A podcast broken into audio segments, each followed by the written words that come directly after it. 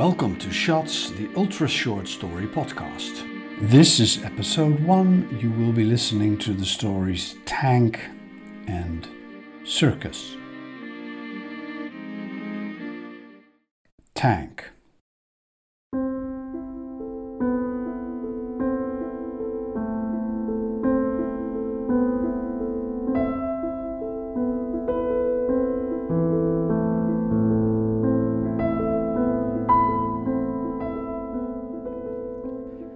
Every morning before dawn, Trev urinated in the gasoline tank of his neighbor's car.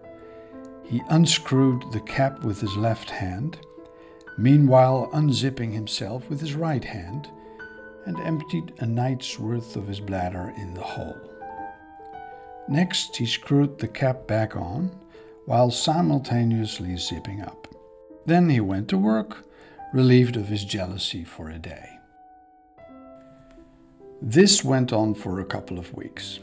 Then it started to screw with his neighbor's car's engine, apparently.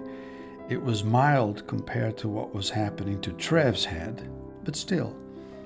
On the last day, the car didn't get the neighbor to work, but caught fire on the highway instead. It's hard to say whether the fire had anything to do with Trev's acid piss. It no longer mattered to the neighbor anyway.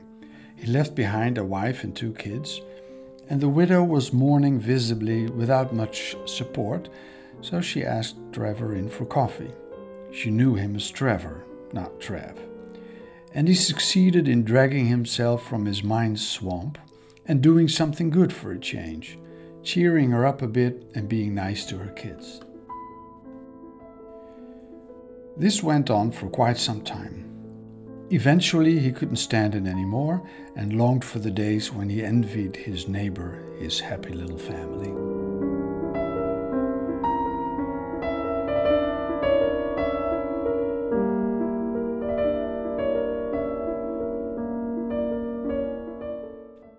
Circus.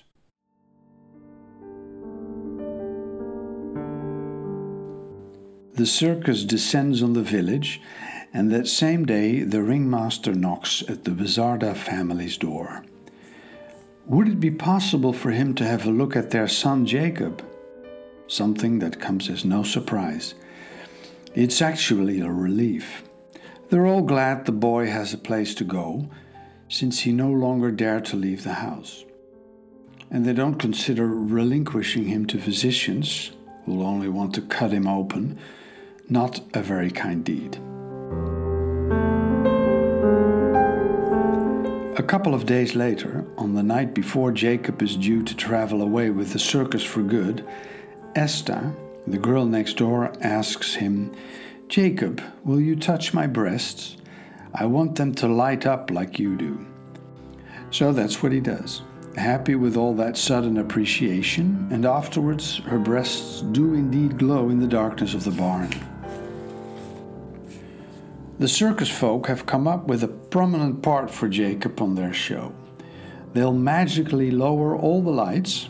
The ringmaster will yell, Ladies and gentlemen, the illuminated man. And there he'll be, at the top of the tent, waiting for the audience to see him and applaud. Then he'll come sailing down and perform acrobatic stunts, and in a grand finale, kiss the most beautiful girl in the audience and make her cheek glow in the dark. But Jacob slowly pines away because in the end they still see him as a freak, a monster with a skin that emits enough light for you to read a book by. Every night he dreams of Esta, his next door neighbor, and how she glowed, round and firm. And the circus travels on and on until Jacob's halo, that miracle of light, slowly fades used up by his longing for Esta, and they remove him from the show and banish him to the cages as a manure cleaner.